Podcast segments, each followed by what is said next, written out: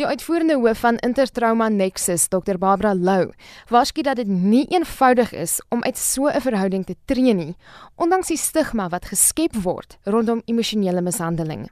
Ek kan onthou in die tyd wat ek saam met die polisie met gesinsgeweld gewerk het, het ek nooit aaglige mans gekry wat sommer skurke is nie. Hierdie mens kan nooit hulle ware hartseer en besorgdheid met die familie deel nie, want hierdie is dan so charmante man. Dikwels bly slagoffers by die gewelddenaar omdat hulle skaam kry oor hulle eie gedrag in reaksie op die geweld. Hulle is onder soveel emosionele druk dat hulle dalk vuil beklei, dat hulle dalk aan die vloek gegaan het en allerlei sulke goed wat buite hulle karakter is.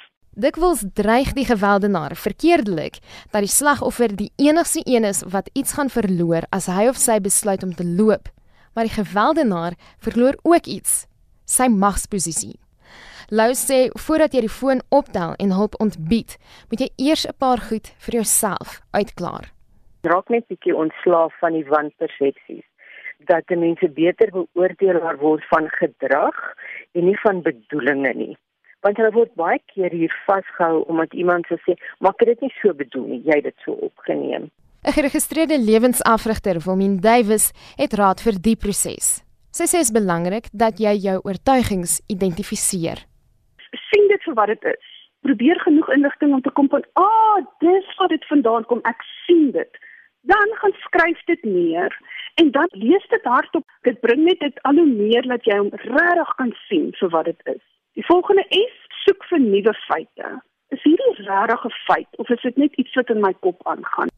Dan moet jy jou nuwe nugter oortuiging op die proef stel, amper soos om dit voor 'n hof te bring. Skryf hierdie nuwe volle waarheid neer En dan die laaste is, dit gaan sê hierdie nuwe waarheid oor en oor.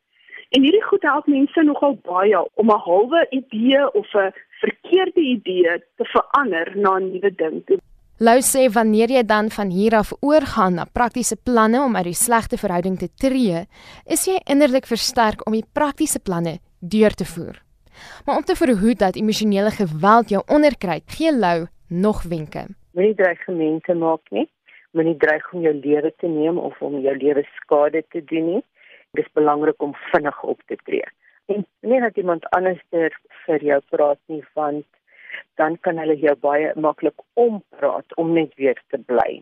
Sy sê jy moet so ver as moontlik vooruit dink om geld by jou te hê, om die regte kontaknommers by jou te hê en om iemand in jou familie of vriende kring te hê wat jy kan vertrou. Nadat jy jouself innerlik versterk het en hulp soek, moet jy volgens haar bly soek totdat iemand luister. Davies waarsku dat jy nie ontmoedig moet word indien jy nie dadelik regkom nie. Jou lewe is belangrik genoeg om aan te hou om 20 plekke te probeer totdat jy na een plek kry. Lou sê daar is vandag meer hulp beskikbaar as ooit tevore. As jy in 'n gemeenskap is waar daar kerke is wat regtig betrokke is, of moet jy na 'n ander kerk as die een waar jy aanbid toe gaan. Of as jy glad nie aanbid nie gaan na een van die geloofsplekke. Ek dink dit is ook belangrik dat mense regsadvies kry. Aanlyn organisasies soos Lifeline en Telefind is ook doeltreffende platforms. Soek gouer hulp eerder as om te wag. Maar daar's so baie vrouens wat sê hulle bly want hulle kinders. Dit is nie so maklik om jou kind te verloor soos wat baie mense dit maak nie hoe langer jy bly, hoe meer van hierdie mishandelende patrone leer jou kinders aan. En dan kom 'n mens later bytelmal waar jou volwasse kind teen ouers draai en ouers mishandel. Sy sê as jy so gou as moontlik die regte hulp kry, soos maatskaplike werkers en die polisie, sal jy jou kinders ook kan bevry. Baie mense gaan nie vir die hulp by die maatskaplike werker of die polisie nie, want hulle dink dit gaan skande oor die familie se naam bring. Dan bly hulle liewer in daai situasie waar hulle hulle lewe kan verloor en waar mense wel hulle lewe verloor. Dit was die uitvoerende hoof van Intertrauma Nexus, Dr Barbara Lou. Ek is Marlene Forsie vir SAK nuus.